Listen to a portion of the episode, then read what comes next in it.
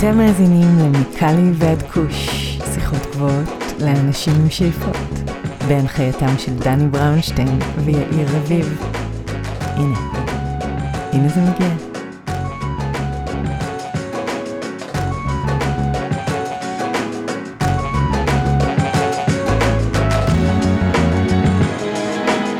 שבוע טוב לכולם.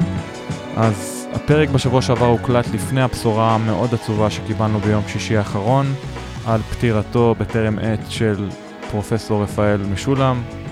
כאמור, פרופסור רפאל משולם התארח אצלנו בתוכנית לפני כחמישה חודשים. כנראה אחד הרעיונות האחרונים בחייו, אם לא האחרון שבהם.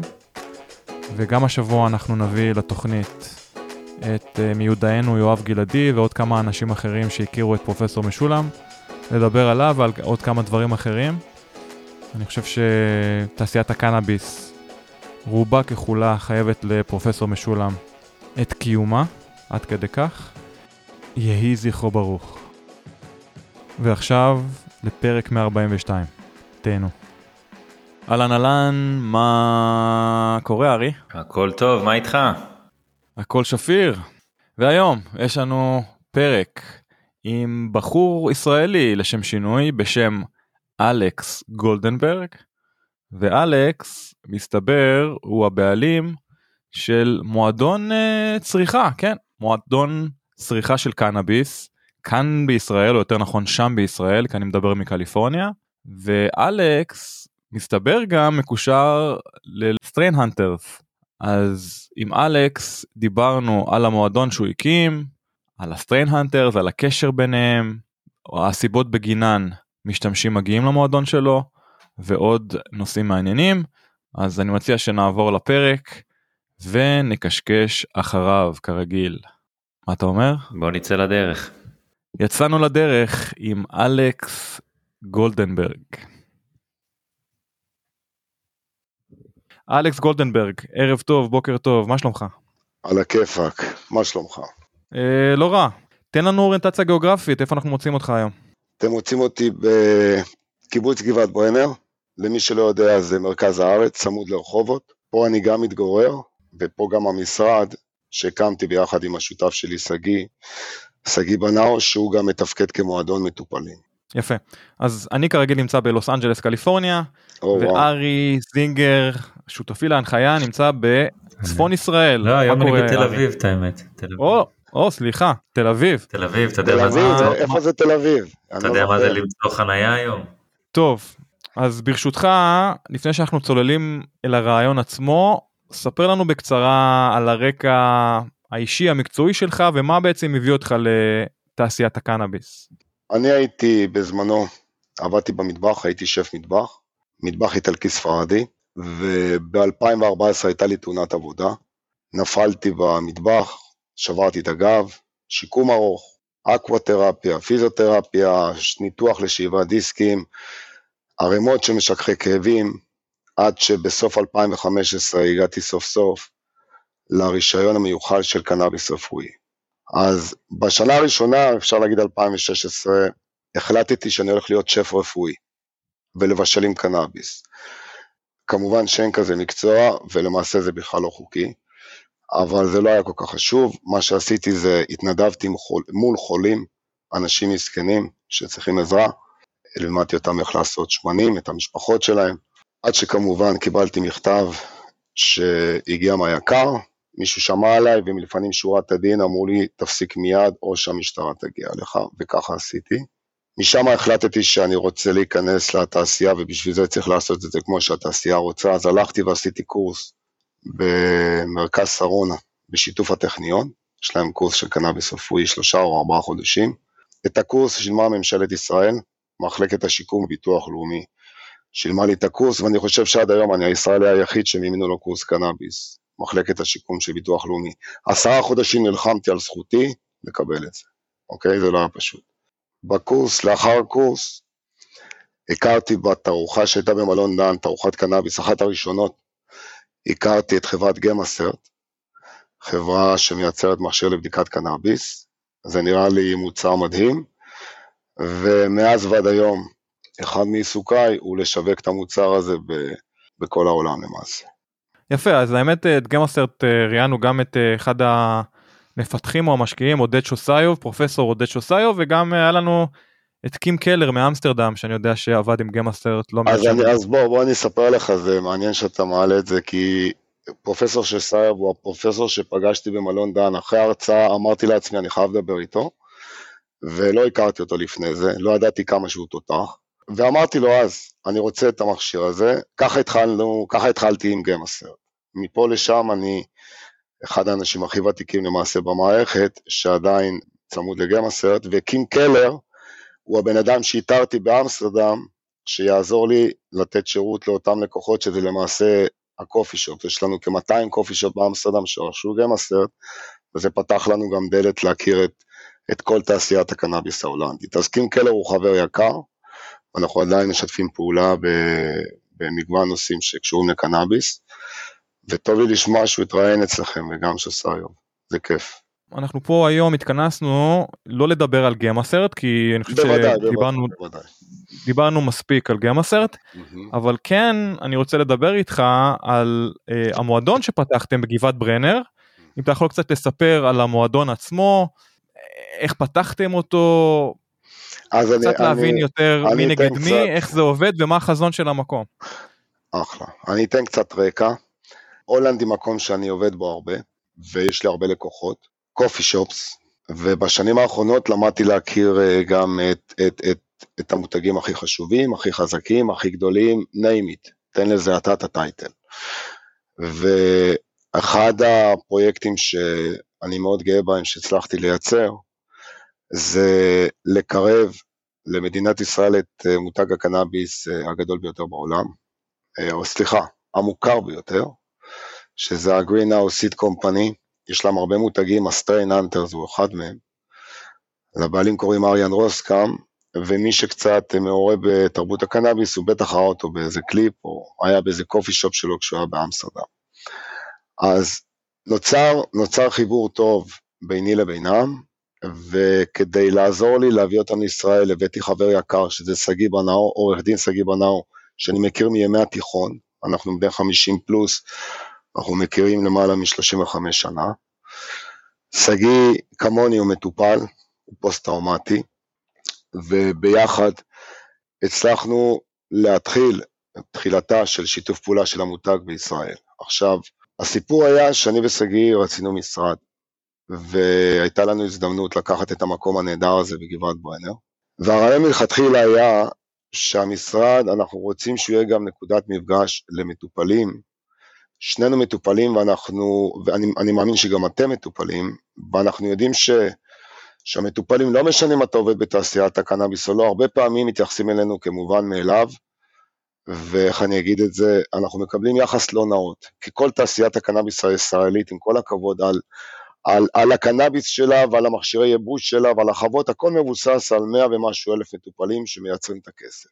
עכשיו, מצד של מטופלים, אני תמיד מרגיש שאין לנו יותר מדי מה לעשות חוץ מאשר ללכת ולרכוש את השקית ולעשן אותה בחווה או בבית או באיזה מקום שלא רואים אותך, ואני חושב, גם שגיא כמוני, שחלק אינטגרלי וחשוב מאוד מהריפוי בקנאביס הוא הצד ההוליסטי, החברתי, המטופלים מן הראוי היה שיהיה להם מקומות להיפגש, וגם אם עדיין רגולטורית אי אפשר לרכוש שם את הקנאביס ולעשן כמו נגיד בקופי שופ הולנדי או במועדון עישון ספרדי, אז שיביאו איתם את, ה, את השקית שלהם וישבו ב, ב, ביחדיו, ו, ו, והעניין החברתי הזה שמוביל הרבה מאוד, מוביל לדברים מקסימים, באמת, אנחנו מקבלים חיזוקים כי הפעילות הזאת שהחלטנו לייצר אצלנו במשרד, קודם כל הבנו שהמקום צריך להיראות כמו מועדון. אז ככה עשינו אותו. שלושה חודשים שגיא ואני צבענו ומירקנו ובנינו, והמקום נראה קצת כמו קופי שופ הולנדי, לדעתי הוא יצא מדהים. אנחנו פעמיים או שלוש בשבוע, אחרי הצהריים, מארחים קבוצות שבין 20 ל-30 מטופלים, כשהרעיון הוא well-being, תגיעו, תהנו, זה לא עולה כסף, אבל האנשים שמגיעים הם הם מקבלים חוויה מהסרטים. קודם כל עצם העובדה שאתה יכול להגיע למקום שהוא קנאביס פרנדלי. עשינו את, את, את המבנה בפנים, התקנו מערכת עיוור נאותה עם פחם פעיל כדי שלא יהיו עניינים של אה, זיהום אוויר, והמקום עצמו נותן את כל התמיכה של בית, יש לכם, אפשר לשתות ויש נשנושים, ויש פה בונוסים. לעניין גמאסרט, בגלל שאני עובד בגמאסרט, יש לי מכשיר גמאסרט, אז יש לנו פה מכשיר גמאסרט. מטופל יכול להביא פרח ולבדוק אותו להנאתו אם הוא רוצה, נגיד. אנחנו מחזיקים במקום כל מיני ופורייזרים שאנשים יכולים להתנסות איתם, את הבלון של וולקנו, את המייטי וכולי וכולי. אפרופו קים שדיברנו עליו קודם, אנחנו מדי פעם גם מעלים את קים על מסך טלוויזיה שיש, טלוויזיה שטוחה על הקיר, אנחנו מעלים אותו בשידור ישיר מהולנד, כשהוא יושב בקופי שופ ונותן סקירה קצרה ומעניינת על השתלשלות האירועים בכל מה שקשור לקנאביס בהולנד משנות ה-70 ועד היום, כשהוא למעשה יושב ב coffee shop, ופה יושבים 20-30 מטופלים ונהנים מחוויה שעד עכשיו אף אחד לא חלם עליה, ועוד חינמית. זה בערך הרעיון, הרעיון.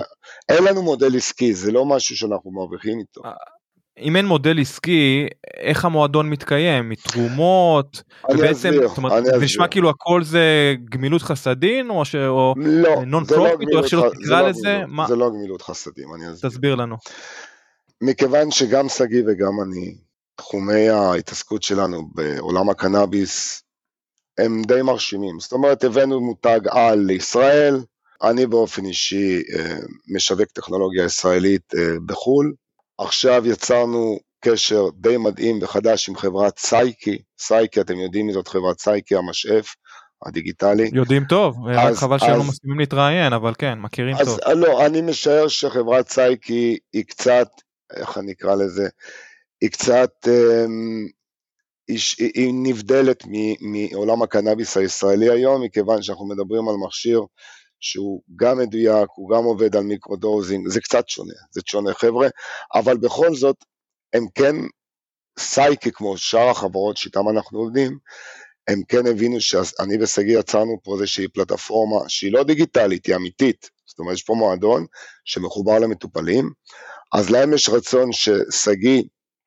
עם העובדה שהוא פוסט-טראומטי בעצמו, יוכל להגיע לאותה אוכלוסייה ולדוגמה להסביר להם מה זה, מה זה טכנולוגיית הסייקי. אז אתם שואלים איך אנחנו מצליחים למעשה לממן את הפעילות. אנחנו פונים לחברות מסוימות, חברות קנאביס, אם זה גם חברת סייקי, ואנחנו אומרים, אנחנו צריכים את התמיכה החודשית שלכם, כי יש פה הוצאות, המקום הזה עולה כסף. להביא 300 מטופלים בחודש שישבו פה שלוש פעמים בשבוע, ישתו ויאכלו וייהנו ולא ישמעו שום דבר, זה עולה כסף. אז כרגע אנחנו מצליחים איכשהו להביא את מה שעולה לנו הפעילות השוטפת בעבודה מול מותגים מסוימים. יש מותגים, אם זה בתי מרקחת כאלו או אחרים, אם זה חברות קנאביס, שיש להם עניין לשלוח לפה קבוצות משלהם, לפנק אותם, לשלוח אותם לבית חם, שיהיה להם ערב בלתי נשכח. אז הם פונים אלינו ואנחנו מבקשים תמיכה איקס כסף כל חודש, אנחנו תמיד מדברים על סכומים נמוכים חברים. זה לא מספיק כסף כדי להתפרנס, אני ושגיא לא מתפרנסים מזה. אני באופן אישי מתפרנס מעבודתי כאיש מכירות. המקום הזה מספק לנו בעיקר גם תובנות לקראת העתיד, אנחנו בין היתר גם מייצגים מותג מאוד מאוד חשוב שתהיה לו פעילות בעתיד בישראל. חשוב לי ולשגיא לא רק לראות איך, לאן מתגלגל, בוא נגיד, תחום הקנאביס הרפואי בישראל, אלא להיות חלק ממנו. שגיא בעברו בשנים האחרונות הגיש כמה בג"צים מאוד חשובים, חשובים סליחה, בתחום הקנאביס. שגיא חתום על, על הבג"ץ לדוגמה, שמאפשר לחולים לקחת קנאביס לחופשה שלהם. אם אתם, לא, אם אתם זוכרים, לפני שנתיים, שלוש, עדיין היה אסור להוציא קנאביס מהבית. החוק היה מטופש, התקנות אמרו לעשן רק בבית. אז הדברים האלה השתנו בזכות, במקרה הזה, שגיא אחד האנשים שגרמו לזה לשנ... להשתנות. אני והוא חושבים שמה שאנחנו מייצרים פה, הפעילות, יכולה להיות סוג של מודל לפעילות עתידית של מועדוני מעשנים בישראל, מועדוני מטופלים.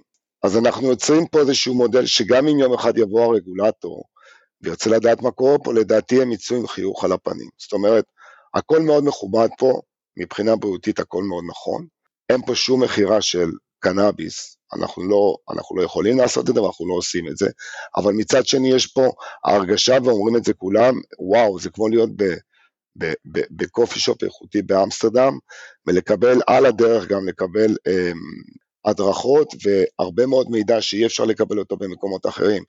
סתם דבר אחד, ודבר אחרון שאני אגיד על גרמאסר, זה המקום היחיד בכל ישראל שמטופל יכול לבוא ולבדוק פרח. אין, אין עוד אחד. אבל זה גם, אני חושב שאנחנו גם המקום היחיד בישראל שמטופל מגיע לערב מדהים ואין פה תשלום בכלל, אוקיי? זאת אומרת, יש פה לאכול, יש פה לשתות. אנחנו כל כולנו נתינה בשלב הזה. אני ושגיא מאמינים שכדי אה, לשנות מציאות, צריך להתחיל וליזום ולעשות דברים כמו שעשינו. אז זה בערך הסיפור של מועדון המטופלים, הוא גם, הוא גם מגיע למלא צורך מסוים. אה, אצל שגיא זה צורך אינסופי להתנחם כי הוא פוסט-טראומטי ו, וקשה לו לקום בבוקר וקשה לו להירדם. הוא עבר משהו שאני לא עברתי, הוא עבר פיגוע לינץ' ונוראי, שרודף אותו 30 שנה, 20 שנה, סליחה. ועצם העובדה שאנחנו מביאים מטופלים ש... זה לא רק חבר'ה צעירים, מגיעים לפה הרבה אנשים מבוגרים. המטופלים שאנחנו מביאים, יש פה אנשים 70 פלוס, ש, שכל הזמן אנחנו שומעים אותו דבר, תודה רבה, זה מדהים, אנחנו מרגישים שיש לנו עם מי לדבר. אנשים שמעולם לא ראו איך ופורייזר עובד, אז הם מגיעים לפה ויש פה 15 חבר'ה צעירים שמתחילים להסביר להם מה ההבדל בין דב ומה זה חשיש ומה זה דברים. זה, אני חושב שאנחנו ממלאים צורך שקיים, ובדרך שבה אני ושגיא עושים את זה, אנחנו מנסים גם לעשות את זה בצורה כזו שלא יתהפכו עלינו הרשויות, לא הרגולטור ולא המשטרה, שאני חייב לציין דווקא שהיה לנו אחלה התקלות עם המשטרה, הופיעה הופיע אצלנו משטרה לפני שהתחלנו פעילות, ו, וממש נתנו את ברכתם. מסתבר שגם הרבה אנשים מתוך המערכת, הם יותר מבינים היום, ו- ואחת הסיבות העיקריות היא שלהרבה מהם יש קרוב משפחה אונקולוגי או לא אונקולוגי שמטופל בקנאביס, ופתאום אותו שוטר שיכול להיות שלפני שנתיים היה מתעצבן רק מעצם העובדה שיש פה מקום למטופלים, היום הם הרבה יותר מבינים, כי במקרה הזה הדודה או האימא של אותו שוטר מטופלת בקנאביס. רציתי לדעת מה ההבדל בישראל, אנחנו יודעים אי אפשר למכור uh, קנאביס במועדון שלכם, תוכל לפרט לנו קצת יותר על uh, מה קורה בברצלונה, איך זה עובד בדיוק ומה קורה באמסטרדם? אני חושב שהולנד דיברנו די מספיק עם קים גם, אנחנו מכירים את זה שזה חוקי שם. אני אדבר על ספרד ספציפית. דבר על ברצלונה ספציפית. אז ככה, אמ, הדרך שבה קנאביס נמכר בספרד היא מאוד מאוד מעניינת וספציפית לספרד. הם יצרו יצור קליים שנקרא מועדון עישון. למעשה מועדון עישון הוא איזה מין, um, מוגדר כמין uh, uh, אגודה ללא מטרות רווח, ככה הוא מוגדר, אבל זה בכלל לא נכון, יש שם רווחים. וכדי שיהיה אפשר לקנות שם קנאביס צריך להיות חבר מועדון. כשממלאים את הטופס של חבר מועדון, גם ממלאים כמה לדעתכם תעשנו כל חודש, יש איזה מין רובריקה כזאת, כל מועדון עושה את זה. כשגומרים למלאות את הטופס משלמים כמה יורוים והופכים לחבר מועדון, זה עניין של דקות, ואפשר לקנות קנאביס באותו מועדון. בספרד בניגוד להולנד יש אלפי מועדוני עישון, אלפים, אה, אה, קשה לספור כמה יש, בקטלוניה יש למעלה מאלף, בברסלונה יש למעלה ממאתיים. הבעיה של אותם מועדוני עישון, קודם כל, למי שלא יודע איפה, שהם, איפה הם נמצאים, אי אפשר לדעת שהם קיימים. יש תקנה מאוד ברורה בספרד שאסור לראות אותה מבחוץ, בשום פנים ואופן, אז אני נותן פה המלצה חמה למי שמגיע לספרד, להוריד אפליקציה שנקראת weed maps, מפות של עשב, weed maps, זו אפליקציה שאיך שמורידים אותה ונוחתים בספרד, בכל מקום שנמצאים, זה, זה מין כזה כמו גוגל מפס, מופיע שם כל המדעני עישון סביבכם, וזה די מדהים להסתובב נגיד בברצלונה או במדריד, כי פתאום אתם רואים שאתם מוקפים מועדוני עישון, פשוט לא רואים אותם. זה איזה מין דלת סגורה עם זמזם שצריך ללחוץ או דברים כאלה, אוקיי? אמ, אני חייב לציין שלהשוואה בין ספרד להולנד, ספרד הרבה יותר גדולה, תעשיית הקנאביס, אבל בהולנד יש להם אפשרות חוקית למכור את זה אמ, לפנים, זאת אומרת קופי שופ לא צריך להסתיר את מה שהוא מוכר ובספרד זה לא קיים. אז ככה זה מסתובב, זה עובד בספרד, והקופי שופ, סליחה, כל מועדוני האישום בספרד חשופים בכל רגע נתון לכך שיסגרו אותם. כי זה עדיין לא, לא מעוגן בחוק, אין להם את הגרין פס הזה, בדרך כלל לא מתעסקים איתם, אבל שמעתי על פשיטות שעושים מדי פעם באזורים כאלה ואחרים, בעיקר בקטלוניה. אוקיי, okay, אז איך בעצם אה, נוצר שיתוף הפעולה עם ה Strain אה, Hunters? אני יזמתי אותו בתקופת הקורונה, מכיוון שעד הקורונה העבודה שלי הייתה פרונטלית, טסתי כל חודש לאירופה להיפגש עם לקוחות פוטנציאליים, בקורונה זה נגמר. ו, והחלטתי ככה לראות מה, מה הדבר הנכון לעשות. התחלתי, כמו כולנו, כולם היו בבית, לא רק אנחנו, גם, גם תעשיית הקנאביס ישבה בבית, וכבר אז הייתי חבר של כמה מה, מהמנהלים בחברה של ה Strain Hunters, והתחלנו לדבר על כל מיני דברים, הדברים התגלגלו מכאן לשם שהחלטנו ביחד לגדל את הקנאביס של ה Strain Hunters בישראל, מצאנו חברה, חברת קנאביס, שתשתף איתם פעולה, זה לא היה עניין פשוט, פגישות on and off, בוא, קודם כל בזום, ואז שכל הסיפור נפתח בסוף הקורונה, התחילו פגישות הדדיות בהולנד ובישראל, ויצאנו לדרך עם חווה ישראלית. הרעיון היה שבספטמבר 2022 כבר יהיה קנאביס של ה Strain Hunters בחנויות או בבתי המרקחת בישראל.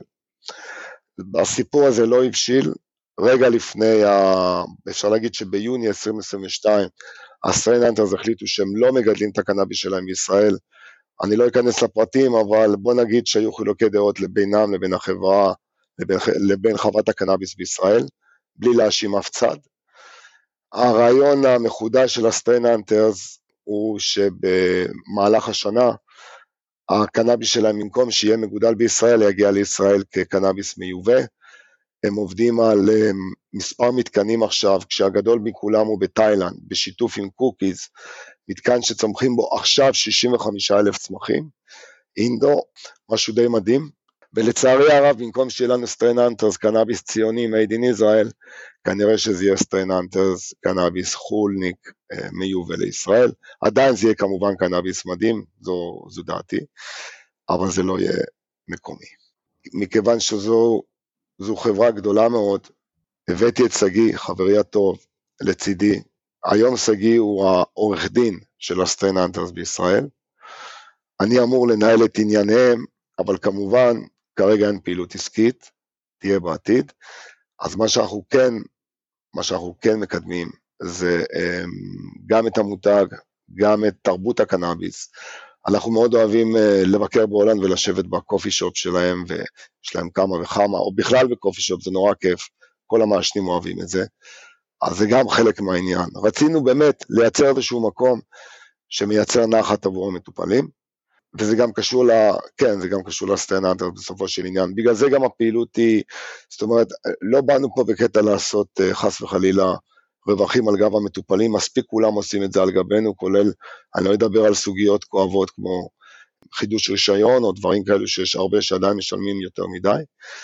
אז פשוט זה משהו ברוח, ה, בוא נגיד, המותג, ש, שיגרום לאנשים לצאת מפה עם חיוך הביתה ולהיזכר כמה כיף היה. יפה. אז uh, הבנתי מארי שלפני מספר שבועות הגיע אליכם מטופל שהתנסה בפעם הראשונה בקנאביס בלי להזכיר שמות. תוכל לשתף אותנו מה גיליתם על התפרחת שהוא קיבל? נורא ואיום. אני כל פעם חושב על זה, אני מתבאס מזה עוד פעם. אוקיי, אז הגיע לנו מטופל בשנות ה-70 עם סרטן uh, לא טוב. אחד מהסרטנים האלה שאין להם uh, פתרון, וכואב לו כל הגוף, והוא הגיע עם בקבוק שמן ושקית קנאביס. הוא קיבל הוא קיבל אונקולוגי, בשלב הסופי קיבל, לצערי הרב והנורא, T10, C10. למה? כי... זה בגלל הרפורמה החדשה? זה בגלל הרפורמה החדשה, כן. הוא צריך לקבל T10, C10. בן אדם נמצא, סליחה על הביטוי, רגל בקבר, עכשיו תיקח T10, C10. תגידו, אתם בסדר? מילא אתם רוצים לעשות את זה למטופלים חדשים, תחריגו אונקולוגיה, תחריגו דברים ספציפיים. זה לא פה, הרי אנחנו יודעים, אנחנו המטופלים יודעים שזה הפלצה אחת גדולה בכלל, התקנה החדשות הזאת מבוססת על כלום ושום כלום. היא מבוססת על הרצון לחסל מלאים של חומר חלש, אוקיי? אבל אוקיי, בוא נחזור לסיפורנו. אז הוא הגיע אליי והוא אמר, תשמע, אלכס, אני בכלל לא מעשן קנאביס, אני, הבן שלי עשה לי סיגריה מהפרח, אני לא מרגיש כלום. אוקיי, אמרתי לו, בוא, בוא נבדוק את הפרח. בדקתי את הפרח, כפרח במכשיר גמאסרט בדקתי אותו טחון, באקססורי של חומר טחון שאמור להיות קצת יותר מדויק. תוצאה אחת נתנה לי 1.9% THC, תוצאה שנייה נתנה לי 2.2% THC, פרח אחר. דהיינו, החומר T10, C10 שהוא קיבל, הכיל 2% THC, ואת זה קיבל חולה סרטן שסובל מכאבים. זה, זה blew up my mind. מה בכלל, למה בכלל הוא הלך והוציא את ה-500 שקלים המסרוכים האלה כדי לקבל משהו שבכלל, שהוא לא, לא מרגיש את זה. קראתי לבן שלו ש, שהגיע לפה בריצה. מה שעשינו, הצלחנו, ל, זה, לק, זה לקח ארבעה ימים. שינו לו את זה, וגם אז שינו לו את זה ל-T15. וגם אז עשו טעות, קיבלו רק שתי שמנים במקום שמן ותפרחות. בקיצור, בעוד יומיים הוא אמור לקבל את הרישיון של T15 10 גרם ו-T15 שמן. אם זה לא התעללות באנשים מסכנים, אתם תגידו לי מה זה. כי, כי לבן אדם לא היה שום פתרון. דרך אגב, בדרך לא דרך, אותו מטופל שצריך עזרה קיבל בלון של וולקנו עם חומר חזק יותר מ-T10, קרה משהו מופלא, הוא, לק... הוא שאף את הבלון, הוא היה לצידי כשזה קרה, ואז פתאום הוא אמר, אני חייב ללכת הביתה. דאגתי, אמרתי לו, מה קרה? הוא אמר, לא, אני מרגיש שאני יכול לישון. עכשיו, למחרת בנו הגיע לפה והוא אמר, אלכס, איך אנחנו משיגים חומר שגורם לאבא לישון? והסיפור הזה, אני חושב שהוא סיפור אחד מיני רבים שקורים כל הזמן מתחת לאף שלנו, כי לי ולך, ולך ארי, קל מאוד לדבר על קנאביס טוב, ראינו עולם, אנחנו אנש, אנשים שיודעים מה זה פרח, אנשים שבצ'יק, זאת אומרת, לא עושים עלינו סיבוב, אבל מסתבר שהאנשים הכי מסכנים, כל הזמן עושים עליהם סיבוב. ו- והם בכלל לא יודעים כלום, ו- והיום מתקשר להם מישהו חדש, אותו סיפור, אימו אונקולוגית, הם קיבלו רישיון, הוא לא יודע כלום על קנאביס, אם אפשר לבוא ושאני אעזור לו, ביקשתי שיצלם לי את הרישיון, עוד מקרה של T10, C10, אני לא מבין את זה. זה שהרפורמה אה, אין בה שום היגיון כולנו מסכימים אני רוצה דווקא להתרכז לגבי האיכות הירודה של התפרחת כאילו מילא זה היה מגיע ל-10% THC אבל אתה אומר שזה הגיע זה היה 2% ואני, ואני חוטא זאת אומרת יש לי את כל הבדיקות מתועדות כי כל בדיקה שאני עושה מתועדת בפורטל ברור ברור אוקיי? אתה רוצה לדבר על מי, מי זאת החברה הזאת איזה מותג מדובר? אולי עדיף לא לדבר אני, על אני זה. אני מעדיף שאני אגיד לך אני, אני מת להגיד את זה אבל זאת חברה חזקה ואני יכול לקבל שתי סטירות, אני לא בטוח שזה הדבר הנכון לעשות. אוקיי, אז, אמ, אז שאלה אחרת, רק אולי גם שאלה לארי, תסבירו לי איך זה קורה, כאילו אין בדיקות מעבדה בישראל שאומרות אוקיי ה-T10 הזה הוא באמת T10 ולא T2? אני אסביר איך זה קורה, אני חושב שאני, אני חושב שאני מבין את זה היטב. קודם כל מבחינה פיזית, או בוטנית סליחה, הצמחים שמוכרים היום, נכון להיום, גם אם זה צמחים שעשויים מאיחורים והם בחממה או באינדור, אנשים חושבים, יש קונספציה לא נכונה שאנשים חושבים שכל הפרחים אותו דבר, זה בכלל לא נכון. אז אם יש לך בוא נגיד חממה שלמה של T20, הפרחים שבסוף תקצור, זה מניסיון של 2,500 בדיקות בגמאסרט סביב העולם שעשיתי. אני יודע שאתה תקבל, ב-T20 אתה תקבל בין 12 ל... בוא נגיד 23 אחוז, זה המנער הרחב של כל הפרחים, של אלפי פרחים. כשחווה שולחת לאפיון מספר גרמים, הם לא יבחרו את הפרחים המסכנים, הם יבחרו את הפרחים הכי שווים, הכי טובים. ויכול להיות גם כן, שבטעות כן, נפלו ברור, להם הפרחים זה, זה ברור. לחלוטין. נפלו להם הפרחים בטעות על ערימה של אבקנים, אז בסוף גם המספר עולה עוד יותר. עכשיו, איך קורה שבשקית של T10 יש T2? אחד, אני לא יודע. אני משער שהתשובה היחידה, אני לא רוצה לחשוב חס וחלילה שיש פה שחיתות עמוקה, אבל אני משער שהפרחים ש... בוא נגיד ההצוואה הזאת אופיינה על ידי פרחים שלא ממש היו, בוא נגיד, המאפיינים של ההצוואה. איך זה קרה אני לא יודע, אבל זה קרה וזה אמיתי וזה היה מול העיניים, וההוכחה שזה ככה, יכולים לבוא אליי אנשים ולהגיד, אה, הגיים הסרט שלך לא טוב. יש לי משהו אחר להגיד, היה פה בן אדם בן 70 שמעולם לא עישן קנאביס. אמר לי, תשמע, עישנתי סיגריה, אני לא מרגיש כלום. זה מסתדר עם העובדה שזה T2, שהוא צריך להרגיש דקדוק במקרה הטוב, כאילו זה לא איזה משהו, כל הכבוד, כן? אז איך זה קורה אני לא יודע, אני חושב שכל הרגולציה נבנתה בכוח בצורה כזו שהכל ייכנס למסגרות כשזה ממש לא ככה, במיוחד לא העניינים האלו של ערכים של פרחים. בי נשבעתי שבדקתי עשרות אם לא למעלה ממאה שקיות, לפעמים אני יושב שעה ואני בודק את כל השקית שלי, שקית אחת, יש לי מכשיר, אני יכול, מותר לי, יש לי שקיות משלי, מותר לי. ואני אומר לכם, חברים, T20 תמיד זה מנהר, אתה יודע, אני לא אגיד 12 אפילו, אבל בין 14 ל-22 במקרה הטוב, הרבה פעמים זה בין 14 ל-16 יוצא לי T20, יש פעמים, יש צדיקים בסדום שמוציאים לי באמת בין 17 ל-22, אבל אף פעם אין לי שקית שאני יכול להגיד, וואו, כולם בהבדלים של אחוז או שתיים, לא, אין דבר כזה. מעגלים ממש למעלה. מעגלים אבל בגדול, ודרך אגב, עשיתי לו הנחות, את הפרחים שדגמתי הם היו הכי גדולים, הכי יפים, הכי שווים, וזה יצא שתי אחוז. ומסכן, וואלה. פניתם לחברה הזאת? אז אני מבין שאתה לא רוצה לעשות שיימינג לחברה, אבל פניתם באופן ישיר לחברה? תגיד, חבר'ה, לא, מה קורה? לא, לא, לא פניתי, אני, האמת, אתם יודעים מה, אני מדבר איתכם פה, אני חושב בקול רם, אני יודע בדיוק מי זה החברה, יש לי את, את מספר השקית והצבא, יש שם הכל. בואו תנו לי אתם עצה, מה, מה אני אמור לעשות עם דבר כזה? המטופל, לא מעניין אותו שום מלחמה, הוא רוצה שיפסיקו לו הכאבים, הוא בן 70 פלוס. אני חושב שחייבים לפנות לחברה עם התוצאות מעבדה האלה. אה, זה, לא מעבדה זה גמאסרט אבל אה, לא להתבלבל גמאסרט כן. אה, בהרבה מדינות קיבל את, ה, את ההתוויה הנכונה גם לעבוד בבתי מרקחת לדוגמה בגרמניה יש לו אישור ל, כמכשיר בדיקה לבתי המרקחת שמחויבים לבדוק קנאבי שם כל הזמן. אז לדעתי להגיד שהוא נבדק עם גמאסרט אם אתם רוצים אפשר אפילו לקחת את זה על חשבוננו למעבדה במידה ואנחנו רואים שזה פחות מ-10% בואו תשלמו אתם על הדבר הזה ותביאו שקית חדשה לפחות במינימום. זה הרבה אה, פחות מ-10%, קודם כל תהיה 10 לא כן, מה זה פחות מ-10%? אה, שנייה, ארי, אם זה 9.5% זה, זה בסדר גמור. אם זה 2% ולא 10%, פה כבר, אתה יודע, יש הבדלים תאומיים שאי אפשר להתפשר עליהם. יש איזה אחוז טעות או אה, סטיית תקן, אם תרצה, של בין 10 ל-15 אחוז, זה נראה לי סביר לחלוטין. 10 ל-15 אחוז מתוצאת מעבדה, דהיינו, אם המעבדה כן. תיתן 10, גמאסר תיתן בין 9 ל-11, אוקיי? זה, זה מה שזה אוקיי, אומר. סביר. אבל, אבל סביר לחלוטין, אבל פה אנחנו מדברים על way way lower, זאת אומרת, אין פה שום קשר בכלל בין מחט לתחת. לצערי אני אגיד לכם, היה חיזוק לסיפור הזה, מספר ימים אחרי זה, אני פרסמתי, דרך אגב, לא פרסמתי שמות, אבל פרסמתי את הסיפור הזה. ומספר ימים אחרי זה היה פה ערב מטופלים, ואחת המטופלות הביאה את השקית הזאת בדיוק, והייתי מאוד מסוקרן, זה גם CS T10 מאותה אצווה, לה יצא 2.9 אחוז, עדיין הרבה מתחת ל-T10 שזה אמור להיות המינימום, והאצווה דרך אגב הצהירה שזה 8.6 אחוז THC, הם לא אמרו שזה 10, אל תשכחו שיש את הקטע המוזר הזה בהתוויה הישראלית, ש-C10, T10 יכול להיות למעשה, THC יכול להיות בין 6.5 ל-13.5 או משהו כזה, אני כבר לא זוכר.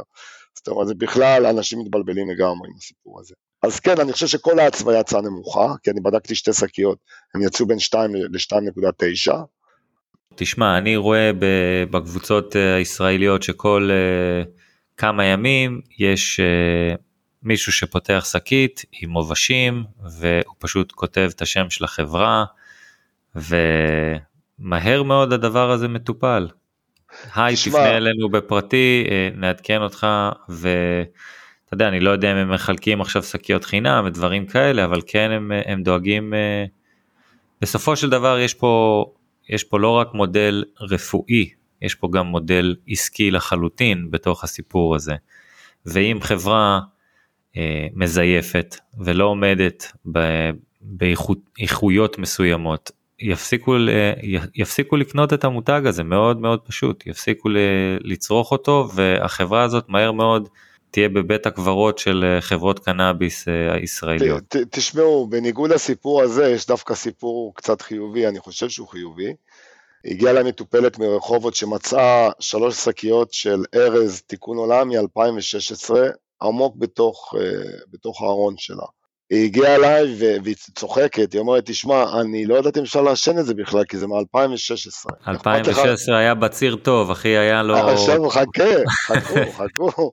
הפרחים נראו די מדהים. היה משעשע לראות את האריזה, שקית ניילון פשוטה ורגילה שסגורה בחום כזה. והוצאנו שתי פרחים גדולים, והפלא ופלא, חומר בן שבע שנים נתן 14.5% THC. אוקיי? פרח אחר נתן 13 אמ, נקודה משהו ונתן גם קצת CBG, אבל די מדהים. זאת אומרת, אה, בשביל חומר בן שבע שנים. אמנם לא היה לו ריח אבל... זה גם חומר שלא עבר הקרנות אז. הוא לא עבר הקרנות, ואפשר היה לראות שזה היה trimming שונה, פחות, יותר, הרבה יותר סלחן מהטרימינג של היום, עם חתיכות עלים, אבל אנחנו מדברים על הימים של ה-370 שקל למטופל, זה ימים אחרים. אלכס, ברשותך אני רוצה לעבור לכמה שאלות אישיות. כן. איך אתה משתמש בקנאבי שלך, ומה הם הזנים האהובים עליך, אם יש כאלו? הזנים האהובים עליי באופן כללי זה קודם כל סביב ה-T20, אבל גם T15. אני... גם מה T20? שנייה, שנייה, שנייה. סליחה אלכס. אנחנו כל פעם מדברים פה על איכות, האיכות לא נובעת מ-T10, לא, לא, לא, T20, T15. התחלתי לא נכון. התחלתי דבר איתי נכון. בזנים, לא באחוזי THC. אז ככה, אני, אני מחפש את הזנים, ה... בוא נגיד המעניינים מבחין, מהצד של הטרפנים. זה הדבר הכי חשוב אצלי. זאת אומרת, אני משער שאם תביא לי פרח שהוא מדהים, עם הרכב טרפני מדהים וה-THC שלו 4%, אני מאוד ייהנה ממנו גם. וקנאביס, אני גיליתי שחלק מאוד חשוב מההשפעה של הקנאביס עליי זה גם ההרכב הטרפני שלו.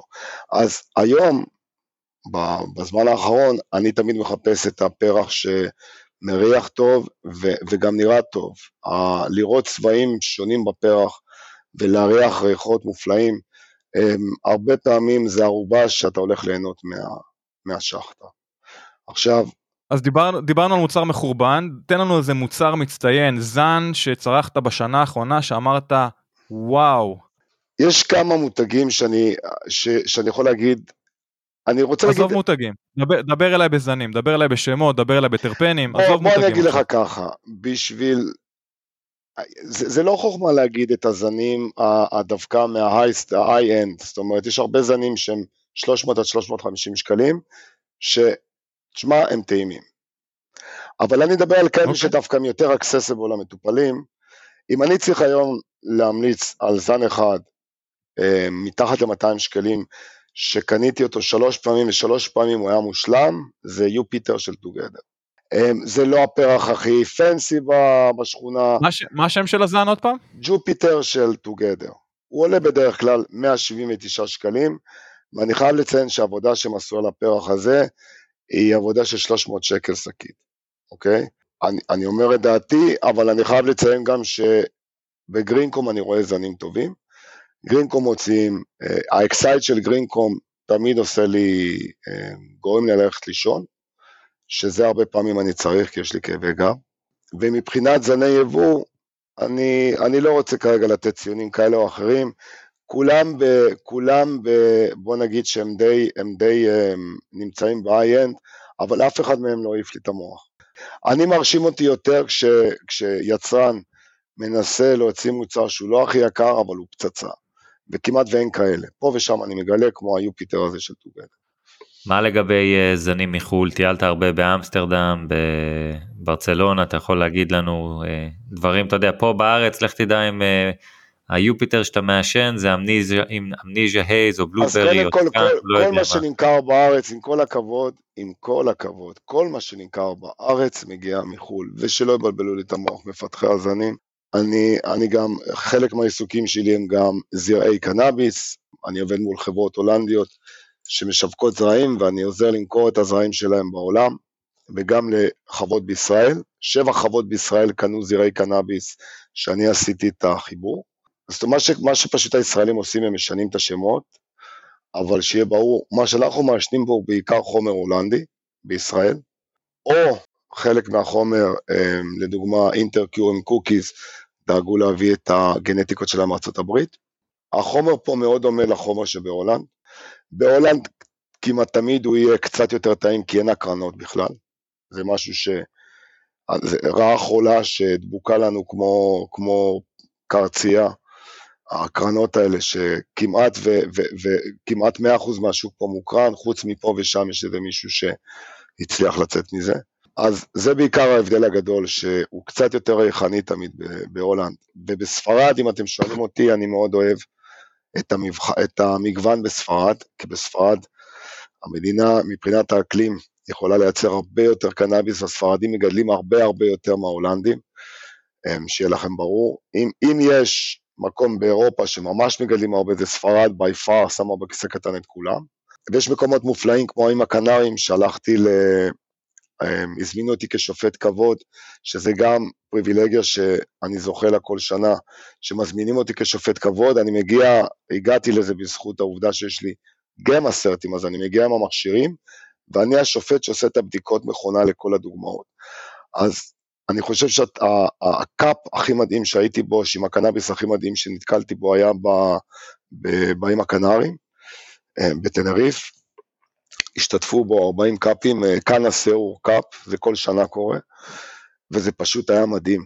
אחד המתמודדים, שהפרח שלו היה, היה מעולם אחר, סיפר לי, תחשבו על זה רגע, הראה לי תמונות של המטע שלו, הוא נמצא לזה הר געש, המטע, זה אאוטדור, כל האדמה היא למעשה אבני טוף שחורות, שהם עשו איזה מין בורות כאלה בצורת שר, חצי ירח, ובכל בור כזה יש צמח קנאביס שמשקים אותו במי מעיינות שיש בסביבה, ובסוף אתם מקבלים חומר פשוט מדהים, מדהים. אני משער שזה קשור לעובדה שיש להם שם את המקומות המיוחדים האלה, כן? אבל בספרד, באיים הקנריים, אם יש מקום ללכת לעשן, חבר'ה, לכו לשם, מפוצץ מועדוני עישון, מאוד מאוד טעים. ספרד זה, איך אתה מעשן? זה, זה הקליפורניה של לפני 15-20 כן. שנה. והם גם לא אמריקאים, לא לשכוח שכוחות הביטחון הספרדים הרבה יותר גמישים מאמריקאים. אני מכיר אנשים, בן אדם עם 400 שתילים באביזה, תפסו אותו, קיבל עבודות שירות, דברים כאלה. איך אתה משתמש בקנאביס שלך? אמ, אני משתדל להדות יותר מלעשן, בגלל הנזק לריאות. אנחנו, אני בן 50, זה הולך ומצטבר, כולנו יודעים, זה לא משנה אם מעשנים קנאביס בלבד, הנזק לריאות הוא שם. וממש לאחרונה אני מנסה לעשות הפסקה מעישון ולעבור ולהשתמש בסייקי. זה, אני יודע שזה עולם אחר לגמרי, זה מאוד מאוד קשה, במיוחד שאני כל היום מסתובב סביב הקנאביס. וסייקי מדבר על בוא נתנתק רגע מהעישון ונלך על microdosing ונגיעות, אבל זה קצת, זה קצת אה, זה קצת מסקרן אותי לדעת אם אני יכול להיכנס למסלול הזה. זה עדיין לא מונע ממני לעבוד ולשפוט ולעשות ענייני קנאביס. אז בוא נגיד שהדרך המועדפת עליי, אם אני בבית, אני, אני יכול למלות בלון אמ, של וולקנו וליהנות ממנו. תמיד יותר כיף לי עם זה מאשר עם אחד הוואפורייזרים, אבל, אבל יש היום גם דור של וואפורייזרים די מדהימים, קטנים, שעושים את העבודה יופי. רוב המטופלים אצלכם במועדון, אה, יש יותר נטייה לעשן או נטייה להדות, אולי חצי חצי? חצי חצי, יש שם הרבה, כיף לראות אנשים שפעם ראשונה מתנסים באידוי. לפעמים אנשים מביאים את הדאבים שהם עושים, את כל, ה, את כל המיצויים למיניהם שהם עושים, ואז פתאום מישהו שולף אה, מקטרת חשמלית ו, ו, ו, ו, ובודקים איך המיצוי הזה ואיך, ואיך הרוזן הזה, הרוזן פרס הזה. בוא נגיד שאנחנו לא מגבילים, אתה יודע, אתם מטופלים, בואו, תעשנו, תתעניינו, תתעדכנו, יש פה עוד מטופלים כמוכם, כמעט ולא נותנים לנו, אין לנו הרי אפשרות לעשות את זה בשום מקום. זה לא שהרגולטור חשב עלינו בקטע החברתי, להפך, עד לא מזמן, אמרתי את זה קודם, כאילו בכוח החביאו אותנו בבית, ושחס וחלילה לא יראו אתכם ואת כל השטויות האלה, שתודה לאל, זה משתנה ו- ודי מהר, כן? אני באופן כללי תמיד אה, מעודד אידוי, ואני משער שאם אני אצליח בניסוי שלי עם סייקי, זה משהו אישי שלי, לראות אם אני יכול להפסיק לעשן, אז אני גם אבוא ואדבר עליהם, אבל כרגע זה קצת בוסר. דיברנו על אידוי, אילו קטגוריות אחרות בתעשייה מרגשות אותך במיוחד? אני הייתי מאוד שמח אם, אם הרגולטור היה נותן אפשרות למכור גם חשיש. יש תוצר לוואי של כל החוות, כל החוות מייצרות, הייתי וראיתי את זה במו עיניי בעשרות חוות, מייצרות כמות אדירה של פולן, או בוא נגיד אה, הקריסטלים מהפרחים, שכל כיף. מה שצריך לקחת, כיף, כיף, כיף, פולן בספרד, כל מה שצריך זה לקחת את זה ו- וקצת להדק את זה, ויש לך חתיכת חשיש משובחת, או כיף, זה חומר מעולה ומדהים למטופלים, זה חומר עם אחוזי THC ו-CBD מאוד מאוד גבוהים.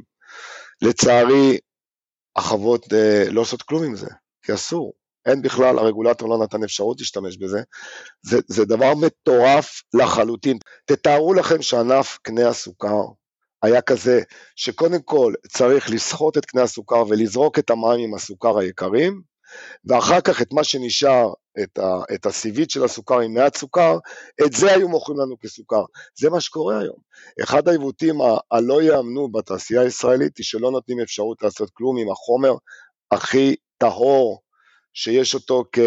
אה, בוא נגיד, פסולת לחוות, ונכנסתי לחוות שיש להם 100 קילו של זה, של האבקה הזאת, מחכה למשיח. זה לדוגמה משהו ש... שהיה מאוד מסעיר אותי, אם הרגולטור היה נותן לחוות לאבד את זה ולהוציא את זה בצורה של uh, חשיש רפואי. למה לא? למה לא לעזאזל? אוקיי. Okay. אילו שחקנים אתה מעריך בתחום, אם זה בקליפורניה, ישראל, ספרד, you name it. קודם כל, אני, חברות שנוגעות בפרח, אני מעריך את together, אני חושב שהם מצליחים לייצר איזה מין, אני קורא לזה מעמד ביניים, אה, יציב כזה. סחורה לא יקרה באיכות טובה, אני חושב שהם מקום טוב באמצע. אני לא, לא אשים אותם בטופ של הטופ.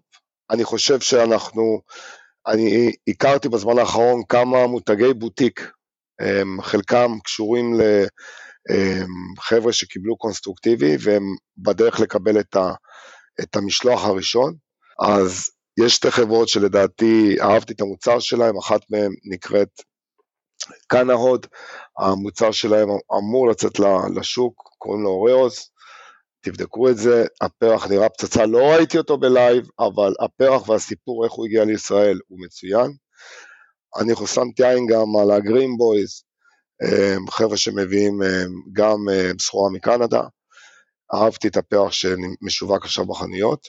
אני מהמר שבשנים הקרובות, בשלוש-ארבע שנים הקרובות, אנחנו נקבל שכבה חדשה של ספקי קנאביס איכותיים וקטנים יחסית. הרעיון הרומנטי הזה של חברה שאוכלת את כולם, בהתחלה חשבו שאינטרקיור עוד שנייה קונה את כולם, גם זה התרסק לחתיכות וזה בכלל לא קורה, לדעתי לפחות. כל העסקאות הגדולות שכביכול היו אמורות לצאת לפועל לא קרו. אני דווקא רואה שהשוק ילך ו... ויהפוך לשוק של ספקים קטנים ומספר ספקים גדולים, אבל יותר ספקים קטנים, שזה אחלה, יהיה פה יותר מבחר, וכמובן הדבר שיהיה הכי טוב לשוק, אם הממשלה הזאת או כל ממשלה שתהיה לנו סוף סוף יתאפסו על עצמם ויתחילו להזיז דברים, לדוגמה גראס במרשם רופא ולא ברישיון. אז את מי שאני מעריך היום, בוא נגיד, אם ברגע הזה, כפי שאמרתי, אני דווקא הולך על הקטנים, לכולם יש פלופים דרך אגב, כל הגדולים שנבדקו אצלי בגמאסט, כולם, יש פה ושם נפילות בעצבות. אני מעדיף לא להגיד את זה, כי יכול להיות שאת אותה בדיקה שהם עשו אז מול הרגולטור, היא באמת הייתה מה שהם כותבים על האצווה, אז אני, אני פשוט יודע שה... איך שההתוויה נעשית היום, היא מראש נועדה לכישלון. היא מתייחסת למספר פרחים שנבדקו על אצווה שלמה אז. אז בגלל זה זה גם מתחבר למה שאמרתי לכם קודם, אני יכול לעשות מיד שיימינג, אבל זה לא תמיד הוגן גם כלפי היצרן.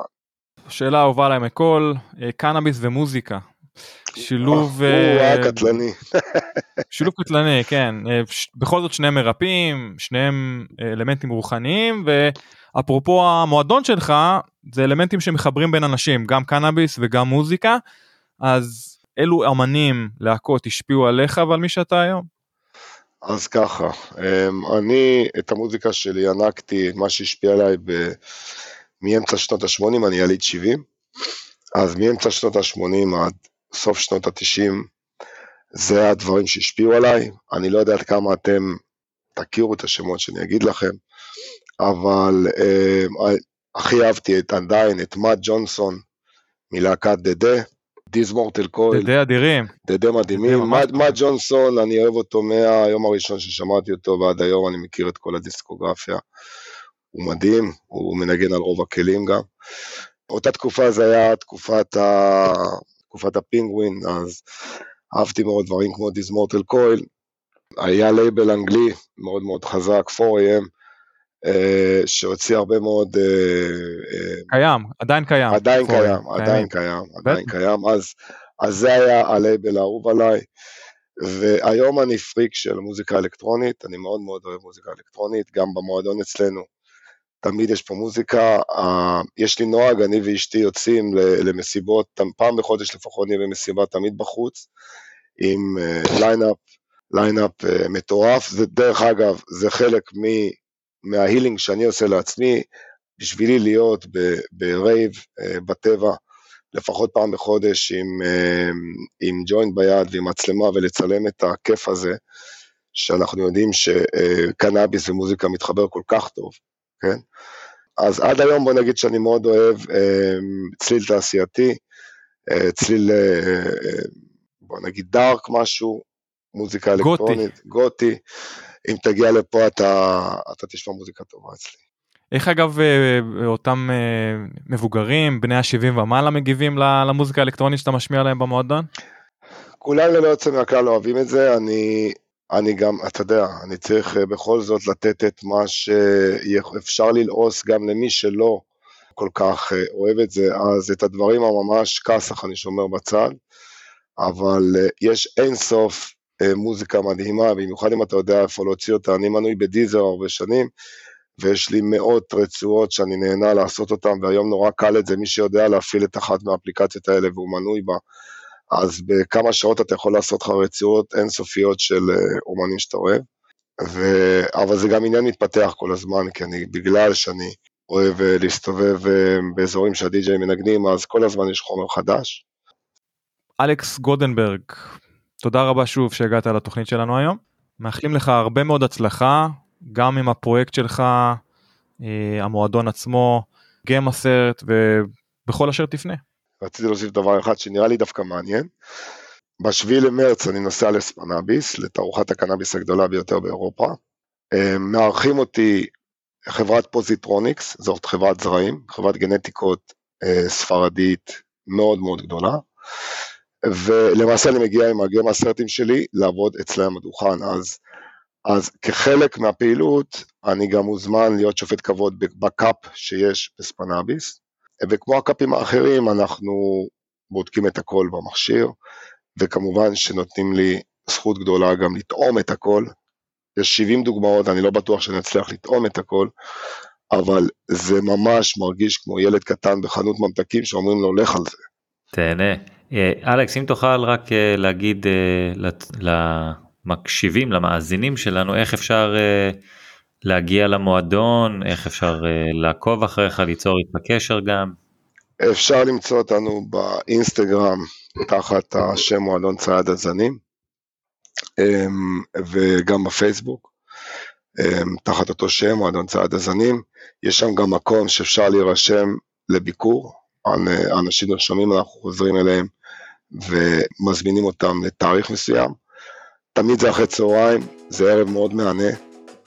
אז כדי למצוא אותנו, אנחנו נשמח אם uh, יתקשרו לנו דרך הפייסבוק, עמוד הצייד הזנים או האינסטגרם, ושם יש הוראות איך להירשם. מעולה, תודה. אלכס גולדנברג, תודה רבה שוב על הרעיון, ובהצלחה רבה. תודה רבה לכם, וכבוד גדול שמראיינים אותי לקאלי ועד כוש. אני חושב שזה הפודקאסט um, הכי רציני ב, ב, בתחום הקנאביס בישראל. אז תודה רבה לכם. תודה רבה, תודה, תודה על המילים החמות.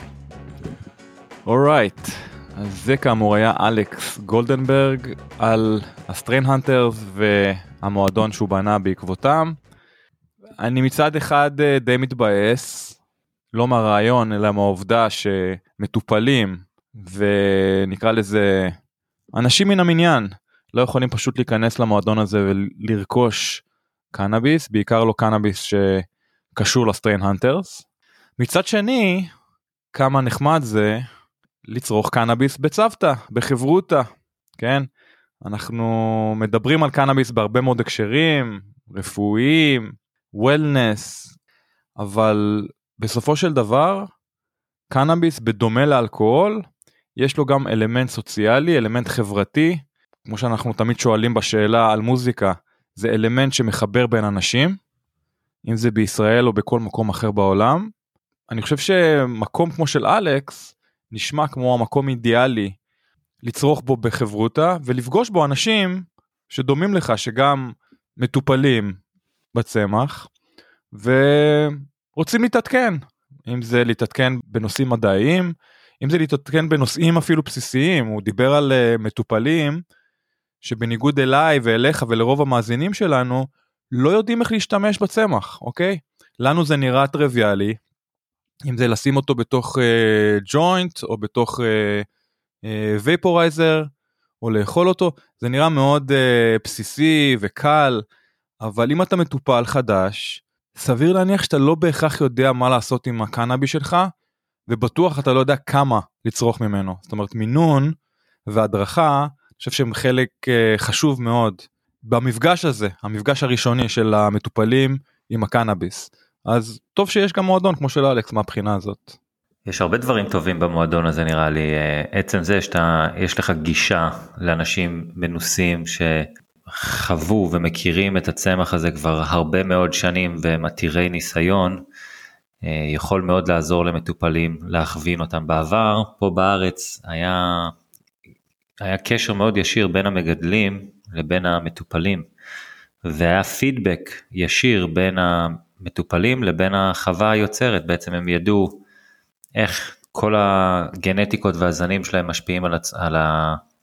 על המטופלים האלה, והקשר הזה נותק, והיום בעזרת מועדון כמו של אלכס, אז באמת אפשר, אה, אפשר להבין יותר את ההשפעות על ידי זה שאתה משתתף בשיח עם אנשים נוספים אה, שאולי באותו מצב כמוך או יש להם מצב אה, רפואי דומה, שונה, ניסו את הגנטיקה הזאת או גנטיקה אחרת, הם יכולים להכווין אותך וזה באמת יוצר קהילתי, קהילתיות מאוד נחמדה סביב המקום שאני עדיין אה, לא ביקרתי בו, אבל מאוד מקווה לבקר בו בקרוב.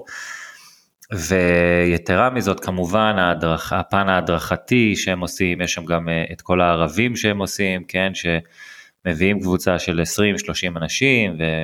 ויושבים ומסבירים כל הדברים האלה. אחד הדברים שמאוד אה, אהבתי במה שהם עושים זה שיש להם גישה לגמה סרט ויש להם בעצם יכולת לבוא ולבדוק מה בפועל יש בתוך השקית. וזה לדעתי משהו מאוד מאוד חשוב בשביל המטופלים האלה, באמת כדי לדעת מה הם מקבלים, שלא יקבלו חתול בשק, ושיהיו מודעים למה שהם מקבלים. וכמו שאלכס סיפר לנו על הבחור שקיבל תפרחת שאתה יודע, כתוב על זה T10 ובפועל זה T1.9 ולא משפיע עליו, אז לא נקטנו בשמות, אבל uh, אני כן חושב שזה מאוד מאוד חשוב שהמטופלים יהיו על הדברים האלה וידעו מה הם מקבלים, ומהבחינה הזאת המועדון הזה באמת עושה uh, עבודה טובה בלהנגיש את הדבר הזה, וכמובן שעכשיו שיודעים את הדבר הזה צריך לפנות לחברות, צריך לפנות ליצרנים ולהגיע לשורש הבעיה ולטפל בזה כמובן, אני מצפה מ... מהחברה או מהחברות שמגדלות משהו לעמוד מאחורי המוצר שלהם, ואם הוא לא ברמה שהם טוענים שהוא, שכמובן יתקנו את הדבר הזה ויטפלו בבעיה הזאת בהמשך, כן? שלא, שלא יקרה מצב כזה שוב פעם. זה ביזיון אם אתה שואל אותי, זה ממש אה, מקרה אופייני לשוק אה, מסורתי או שוק שחור או שוק לא חוקי, איך שלא תקרא לזה, בו אה, לקוח קונה ממש חתול בשק, כן? כי בכל זאת זה שוק שהוא, ש... שהרגולציה לא חלה עליו, ולא יודע מה הוא מקבל. אז המצב בישראל כרגע נשמע לי די הפוך, זאת אומרת, דווקא בשוק החוקי אתה מקבל חתול בשק, מוצר שהבטיח ולא קיים, בפער אדיר, כן? אנחנו לא מדברים על פער של 10-20 אחוז בפוטנטיות, אלא פער הרבה יותר גדול. ומצד שני, כשאתה מדבר עם מטופלים, אם זה מטופלים אמיתיים נקרא לזה ככה, או מטופלי פנאי, רובם ככולם אומרים שאיכות הסחורה בשוק המסורתי לרוב תהיה טובה יותר, איכותית יותר, אולי גם פוטנטית יותר, אם זה בטרפנים או ב-TEC, בהשוואה לשוק החוקי. עכשיו אנחנו מכירים את המגבלות, אנחנו מכירים את הרגולציה, אנחנו מכירים את ההקרנות שמשפיעות גם על איכות המוצר, אבל כזה הבדל באיכות, של מוצר חוקי שנקנה כחוק בבית מרקחת ושווק כחוק ונארז כחוק והיה אמור להיבדק כחוק, לא יודע מה, מה הדלתא הזאת, אם זה בגלל שהוא ישב חודשים ארוכים, אולי יותר מזה על המדף, אולי בדיקות המעבדה לא היו מדויקות, אולי החברה עצמה אין, אין בה שקיפות מלאה לגבי המוצרים ואיכות המוצרים שלהם. יש פה הרבה מאוד סימני שאלה לגבי איך הגענו למצב הזה שמוצר חוקי שאמור להכיל 10% מכיל פחות מ-2%. קודם כל, אה, אם אתה זוכר שאלכס אמר שהיה שקית של ארז מ-2016, שזה כבר שקית בין, אה, בין 7, חגג יום הולדת 7, והיה לו 14 אחוז. אז אה, אני לא חושב שזה המצב, אני חושב שקודם כל, יש טווח מאוד מאוד גדול של ה-T10 או T15 או T20 הזה שאתה יכול ליפול בו, כן? נגיד, אתה יכול עם 16 אחוז, THC להיכנס לקטגוריה של T20. אין פה היגיון, כן? זה, תחשוב, כאילו איזה, איזה טווח גדול זה בין 16 ל-20 אחוז. אל תדבר איתי בהיגיון עם כל ה-T10, T20, אין, בכל המערכת הזאת אין היגיון. זה אז, ברור. אתה יודע, אם אתה נכנס לתוכו... אבל זה שאתה יודע, אומרים לך, טוב, אם זה מתחת ל-10 אחוז, תמכור את זה ב-T, בקטגוריית ה-T10, אבל זה לא אמור להיות, אה, אתה יודע, 9.8 או 9 או סטיית תקן קטנה כזאת, אבל פה זה באמת משהו, משהו חריג שאני מאוד מאוד מקווה שיטופל ויעשו בזה סדר. ושמע, לי יצא להגיע לחווה בארץ, ואני, יצא לך לראות פעם דולב של, של סחורה חקלאית, אתה מכיר את הארגזים הענקיים האלה מפלסטיק? Yeah. דמיין דולב כזה שלרוב אתה רגיל לראות בו, אתה יודע, תפוחים או אה, אבוקדו במקרה שלי בגלל המשפחה. תחשוב שיש לך דולב כזה גדול, שלם, מפוצץ בפרחים, ויושב בחוץ, ואני אומר לחבר'ה שם, אני אומר, מה, למה זה יושב בחוץ? והם אומרים לי, זאת סחורה פסולה, אני אומר, מה פסול בזה? הם אומרים, אה, זה, זה מתחת ל-15, אף אחד לא ירצה את זה. אני אומר לך, היה שם לפחות... היה שם מאות קילו, ואף אחד לא רוצה, כאילו, איפה, פשוט זורקים סחורה טובה לפח, כן? לא הגיוני, משהו הזוי לגמרי. אתה יודע שבארצות הברית לא בקלות היית יכול למכור את זה. לנזקקים. זה... עזוב את זה, דיברנו, היה לנו פה פרק לפני כמה חודשים עם סוויט ליף ג'ו שתורם קנאביס לנזקקים, או יותר נכון מנצל את הקשר שלו עם כל מיני חברות קנאביס ופלטפורמות כאלו ואחרות לגשר את אותם uh, מוצרים עודפים או את אותו surplus אל uh, נזקקים חולי סרטן HIV פוסט טראומה כולם יש מכנה משותף אחד שאין להם את האמצעים לרכוש קנאביס ולצרוך אותו על בסיס יומיומי. אז וואלה לא, לא הגיוני שחברת קנאביס או כל התעשייה כמכלול תשמיד ותזרוק סחורה באלפי קילוגרמים אם לא יותר מזה בעוד שמהצד השני של המתרס יש באמת מטופלים שאין להם כסף לשלם על התרופה הזאת, שוב, אנחנו מדברים על מטופלים, עזוב מטופלי פנאי שאין להם בעיה אקוטית, אבל מדברים על מטופלים אונקולוגיים, חלקם על קצבת ביטוח לאומי שלא מגרדת את ה-4,000 חודש, 4,000 ש"ח בחודש. לא הגיוני שמצד שני סחורה נזרקת לפח, פשוט אין בזה שום היגיון. אולי... אתה מסכים איתי? כן, אבל נתת לי רעיון עכשיו, אולי נפתח, אה, אתה מכיר את לקט ישראל, שהם באים וקוצרים את כל הפירות והירקות שהחקלאי אה, לא רוצה כי הם לא נראים טוב, או, לא, אה, או שזה כבר לא העונה. או כן, אני מכיר, אני מכיר ארגונים מקומיים כן, פה בארצות הברית. בוא נעשה לקט ישראל קנאביס. נארגן ככה לחולים שבאמת עם המחירים שעלו הרבה יותר ממה שהם היו בעבר, אפשר לארגן את זה. אני... נתת רעיון פה, אולי אה, נמצא מישהו שירים את הכפפה אחרי שהוא ישמע את הרעיון הזה. כן, אני יודע שיש כמה יחידים שכן נרתמים אה, לספק אה, תרופות לחולים. ויקטור סמילה הוא אחד מהם, שמעתי את השם שלו מסתובב ורץ בכמה פורומים בהקשר הזה, אבל צריך ארגון מסודר, עם גב כלכלי, שיכול באמת לעשות את uh, אותה גמילות חסדים, אותה מצווה, על בסיס יומיומי ושבועי, לא נקודתי, אה, יש לי חולה שצריך פה, אחד שצריך שם, אלא ממש להקים קבוצה של א', אותה, כל אותם נזקקים שאין להם את היכולת לקנות קנאביס, ומצד שני, את כל העודף שקיים בשוק, ואנחנו יודעים שיש הרבה, הרבה מאוד קנאביס עודף בשוק הישראלי כמו גם בשוק הקליפורני ובשווקים אחרים בעולם כיום. כן, מפה ועד uh, הודעה חדשה יש עודף. אז נראה לי שדי מיצינו את הפרק הזה, אלא אם כן יש לך עוד משהו ספציפי להגיד? לא, אני, אני קודם כל אני משהו? מאוד אוהב את הרעיון, אני חייב להגיד את זה שוב פעם, באמת אתה יכול להגיע לנסות וייפים שונים, אתה יכול לנסות וולקנואים שונים, אתה יכול, אה, ש... אני מניח שגם יהיו שם סדנאות גלגול וכאילו מלא מלא דברים מגניבים שאפשר לעשות בתוך הדבר הזה, יש אה, ערבי אה, הרצאות ותכנים וכל הדברים האלה ואני חושב שזה באמת באמת רעיון מגניב, שאפו לאלכס ולשגיא שהרימו את הכפפה לעשות את זה. מעניין אותי איך הקיבוצניקים יקבלו את זה, כן? כי אני גדלתי עם המון קיבוצניקים, בין, אה, אני מושבניק, אמנם מושב שיתופי, אבל אתה יודע, מעניין אותי לראות איך אה, החבר'ה מהקיבוץ יסתכלו על המועדון של הסטלנים, של המטופלים, של, אתה יודע, בעין כזאת חשדנית נראה לי, אז זה יהיה מעניין לראות את הדבר הזה.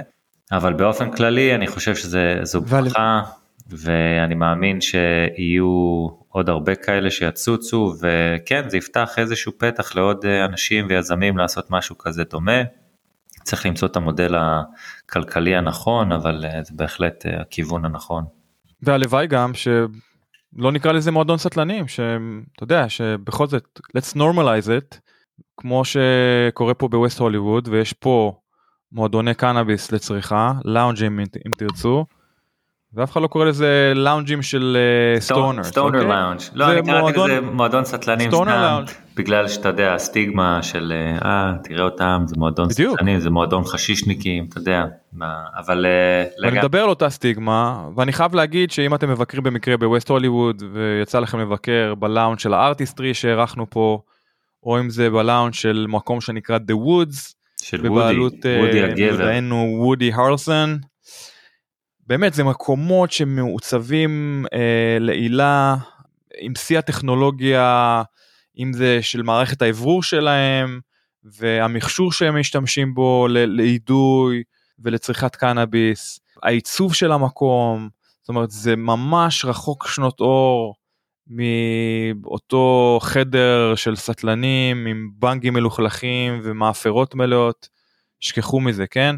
אז נכון, יש את התדמית הזאת של הסטלנים, אבל אני חושב שאנחנו כרגע בתקופה של transition, תקופת מעבר, שאנחנו יוצאים מחושך לאור, אבל גם אם אתה מדבר על שימוש רפואי, יש שם דרכים נקיות, מדויקות, בריאות יותר לצרוך קנאביס, כל הסיפור עם הגמאסרט והוויפורייזרים שקיימים, זה מכשירים וטכנולוגיות שלא היו קיימים לפני 20, 30, 40 שנה.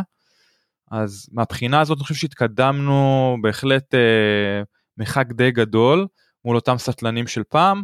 ושוב אני לא חושב שסטלן זה מילת גנאי בהכרח אבל אני חושב שהגיע הזמן להמציא איזה מושג או מילה חדשה שיתארו משתמשי קנאביס שלא צריכים להיעלב מהמילה סטלן ו... אני ושלא הייתי... תהיה את הסטיגמה הזאת שאנחנו מדברים עליה כי אני חושב שסטלן המילה הזאת בעיקר למי ששומע אותה מבחוץ כן לא למאזיני הפוד היא נשמעת קצת מלוכלכת יש בה סטיגמה בוא ננסה לשנות גישה להחליף uh, צד בתקליט. מה אתה אומר? אני היה מעליב אותי הרבה יותר אם היית קורא לי סאחי מאשר סטלן להגיד לך את האמת אבל זה זה אני. נכון. אני זוכר שפעם אחת עמדתי בתור ל, אה, לכניסה לספנאביס וזה היה רק כשהתחלתי להיכנס לעניינים ובאתי עם אה, אתה יודע אני עם השיער הארוך שלי הזקן אבל באתי עם אה, מכנס אה, ארוך אלגנט כזה וחולצה מכופתרת. ואיזה בחור ב, ב, בתור איתי אה, הסתכל עליי ואמר לי fucking suit. מאותו רגע אמרתי אני יותר לא הולך עם מכופתרות אני עם הטישרט ו... וזהו או עם ה hoodie או עם הטישרט וכך היה עד היום. אז זהו שפה בקליפורניה אין לזה ממש בהכרח צורה כן עדיין יש את הסטיגמה של הסטלן המקורי כמו שהזכרנו בנגים, הרבה מאנצ'יז מסביבו, לא בהכרח בריאים, מאפרות מלאות, hot box environment, you name it.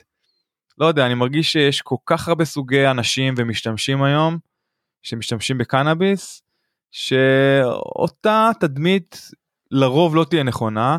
אנחנו מדברים על, אה, אתה יודע, אם אנחנו מדברים על התדמית הזאת, גם עצלנות נקשרת באופן ישיר לאותה תדמית, ווואלה, אני מכיר הרבה מאוד אנשים, כולל עבדכם הנאמן, שמצליחים גם לשלב צריכה, אם זה יומיומית או פעם, פעם, כמה פעמים בשבוע, עם פעילות גופנית ושמירה על אורח חיים בריא ותזונה נכונה.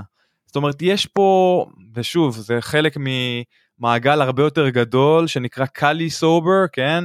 אותו טרנד שאנחנו פה ושם מזכירים אותו, של אנשים או מומחים שטוענים ששתיית אלכוהול הרבה יותר מזיקה לגוף שלנו מצריכת קנאביס ופסיכדלים אחרים, על כן אה, אותה תנועה אה, מנסה אה, למעט או להמעיט את צריכת האלכוהול שלהם, וכן להרחיב את התודעה עם קנאביס ופסיכדלים אחרים, בעיקר פטריות ו-LSD.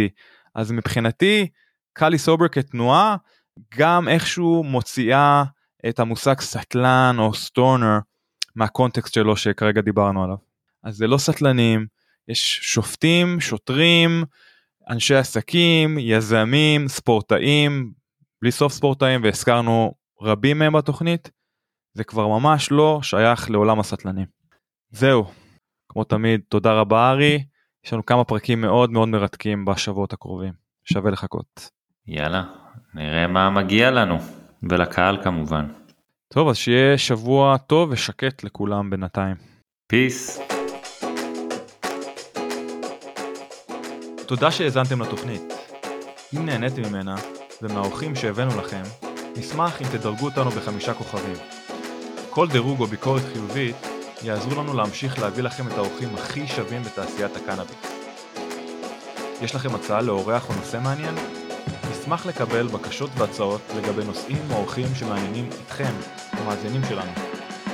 אנא כתבו אלינו ל From Kali to Push at gmail.com From Kali to Push במילה אחת at gmail.com אנא אל תיקחו את האינפורמציה שמוגשת בתוכנית כעצות רפואיות או עסקיות.